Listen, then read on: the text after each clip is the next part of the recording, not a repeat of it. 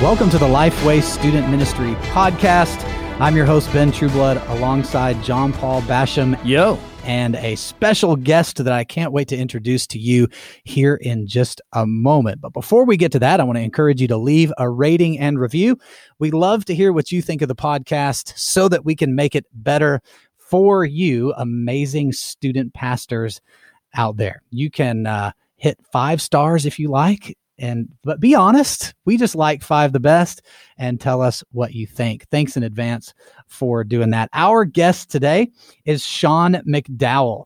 He is a gifted communicator with a passion for equipping the church particularly young people to make the case for the christian faith. He has a phd in apologetics and worldview from southern seminary and is an associate professor in apologetics at Biola University, travels the world speaking in the realm of apologetics and worldview, and is the author of more than 20 books. 20 is a lot of books. He's also the co host of the Think Biblically podcast. So make sure you go and give it a listen. His new book and Bible study releasing in December 2020 is called Chasing Love Sex, Love, and Relationships in a confused culture. You can find out more about that book and study at lifeway.com slash chasing love. Sean, thanks for coming back for episode number three in this four part series around your new book and Bible study called Chasing Love. Uh, and we, as we talk about the issues of love, sex, gender, and relationships, um, so far in episode one, I want to encourage you if you haven't listened to that one yet, bounce back to episode one and go ahead and listen there. We actually list out the topics and talk about how those specific topics are impacting teenagers today. Uh, LGBTQ uh, topic, uh, hookup culture, sexual abuse, abortion. Those are the things we lay out in episode one. In episode two, Sean walks through how student pastors can equip themselves to address these issues. And today, which I think is a super important part of this conversation, as we all recognize, and student pastor listening to this, you would probably raise your hand and agree with this that parents are the primary disciplers. They're the ones that need to be driving the conversation around sexuality. Um, but the church also plays a really significant role in this. And you, as the student pastor, can partner with them to help them in those conversations and pastor them, even as parents, if they're dealing with these things in their own family. So, Sean, I'll tee you up with the question How can student pastors partner with parents in the issues of love, sex, gender, and relationships? If I was a young youth pastor today, here's the first thing I would do I would get two or three parents whose kids are in my youth group, and I would ask them if they'd be willing to go out for coffee, go out for lunch, and ask them the question you just asked me. I work in a local school, and what works in my Christian school might be different than your youth group, different than your city you might have parents that are engaged. You might have parents who are not engaged. You might have mostly Christian parents. You may have many hmm. kids who don't have a dad in the home. So you've got to find out what works in your particular setting and do it. And an example I gave when I wrote, wrote my first book for students it was called Ethix in 2006. I picked 10 chapters because that seemed obvious and they were like 4,000 words. But I didn't have teenagers. Now, when I was updating Chasing Love, I started thinking, wait a minute I've got three teenagers in my home. How could I write a resource that I would want somebody to write for me that would mm. actually help me with my students, with my kids? So I thought, well, I'll do 30 chapters. That's one a day in a month. Shorter chapters you can read and digest and have conversations with your kids. My point being, my whole perspective changed when I actually had teenagers in the home. So some of the youth pastors may have teens. I would still encourage you to go meet with some of the parents in your community and say, what kind of events work? What topics do we have to discuss? What can I do as a youth pastor to most help you and other parents in this setting? What will work? What won't? Take notes. And then you also have it's not you doing everything. Then you ask the parents, you say, hey, would you like to help out with this? You don't pressure them. What could you do? How to get people on board? And then you build a team to do this rather than you doing everything yourself. Sean, in our I think maybe that was the first episode that you talked about it being so important to listen to students, to learn from them. How you know what issues are you seeing, and and how are you processing those? I think, and I wonder if you would agree, if this place isn't just as important as listening to the students, but also listening to the parents. What issues do you see? How are you processing them? What issues do you think your students are seeing? And how do you understand that they are processing them? And trying to put those things together, not only for yourself, but to figure out how to put it together for, for them too. I, I think that's totally true. Number one, you might pick up on stuff your parents see that is different from what you would see yourself. I think second, you can compare and contrast that with the kids and what they see and experience and kind of piece it together and help them both out. So I'll, tell you something we did probably, it's probably a decade ago. This is when I was at a Christian school full time teaching Bible, is with the permission of the head of school and the chaplain.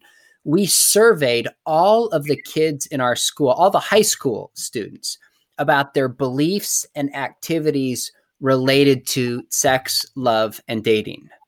So we we we did it. We we actually wrote the survey, got it approved without it going to the kids first, and we collected all this data on the number of kids who say they look at pornography, number of kids who have had sex before, how far our kids have gone. We gathered it and then we released it one night while respecting all the kids. It was, you know, anonymous survey. And I walked through the data how it compared to the national data and then afterwards, I had my dad give a talk on how do you practically talk to kids about sex. It was packed out and they loved it. So it was a way of finding out what's going on with our students, doing research nationally, informing them, motivating them, and giving them real practical tools to walk away with. And then another time we had somebody come in and talk about how do you actually set up technology at your home because kids are more tech savvy than parents are. We found out that parents are like, I don't even know there's blocks you can put on a smartphone. How do I do this on my Wi Fi? How do I set up appropriate boundaries? And the parents absolutely loved it. I think it was a home run. So I think there's ways to do creative things like that in the group that really parents walk away with some tangible, practical things they can do. So we're on John Paul. while we're recording this podcast, and Sean, you may have seen me and Ben smirking while you're talking about, about the survey. There have been a few times uh, where we've had the privilege of walking through one of our most painful moments in student ministry that Ben and I have had mm. when we surveyed our students. But those of you that have been listening for a while, take note the way that Sean did it and contrast that with the way that Ben and I did it and you will hear a very wise approach to surveying your students and using that information.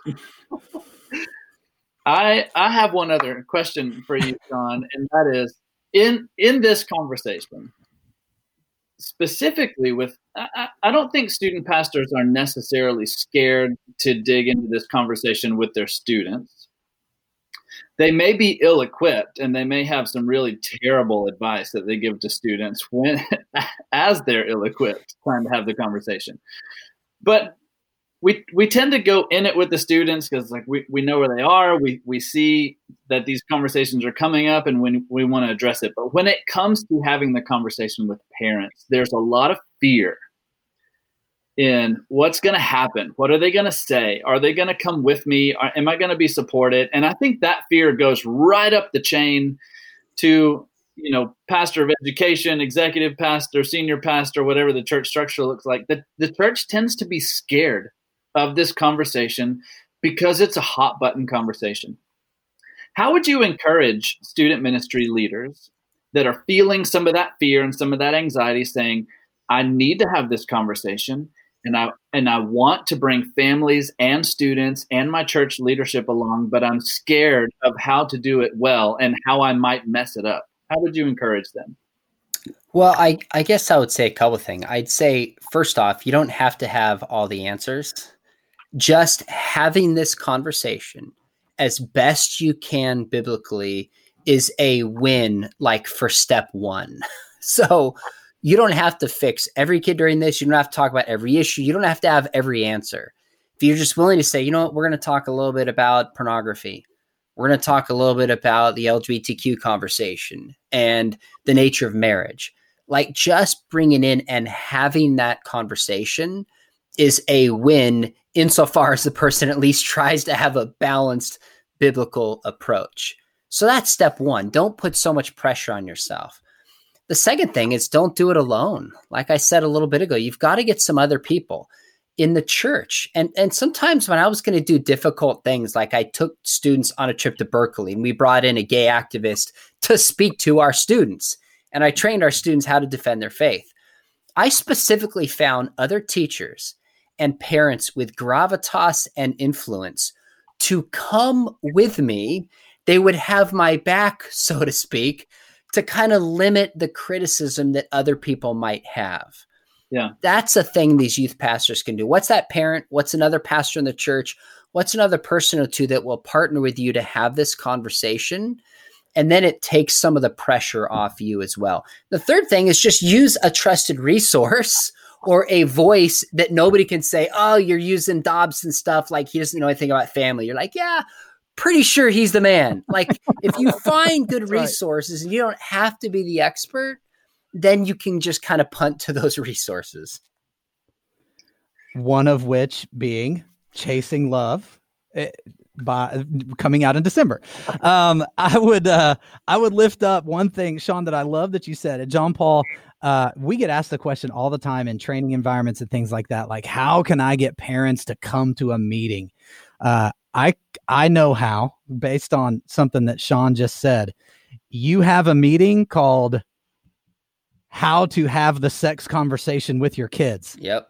And that's what the meeting's called. And then, like, it, obviously, if you haven't had that conversation, you're probably not the subject matter expert to be the one standing up there. But point them to resources, get people from your church, older couples that have had, that have walked through that, that are trustworthy. Build that meeting around this very, very important topic. I think that is a tremendous idea yeah. and a great way that you can partner with parents in this conversation. And listen, they're intimidated to have like you think you're intimidated to have those conversations like they are too. So just embrace the intimidation together. I'll I'll say one last thing before we wrap this one, and that is something that Sean might not say, but we've been very intentional uh, to do as we build this chasing love resource, and that is one we we prayed for two years, a little over two years, about who should be the voice to lead this conversation. And so, um, Sean has a, a, a legacy of trusted ministry uh, in his own ministry and his dad's ministry and Josh McDowell's ministry. Um, that that I think brings a lot of that gravitas that that you mentioned when you bring someone with you. And so you as a student ministry leader, if you're looking at how can I have this conversation and kind of mitigate that fear that I'm feeling, this is one way to do it is to bring Sean along with you to have this conversation and guide the conversation. One of the things that we did is we made sure that there is a video from Sean at the beginning and the end of every session and that's not just because Sean had too much to say and we had to split up his video time and figure out how to make the video work. This is very intentional.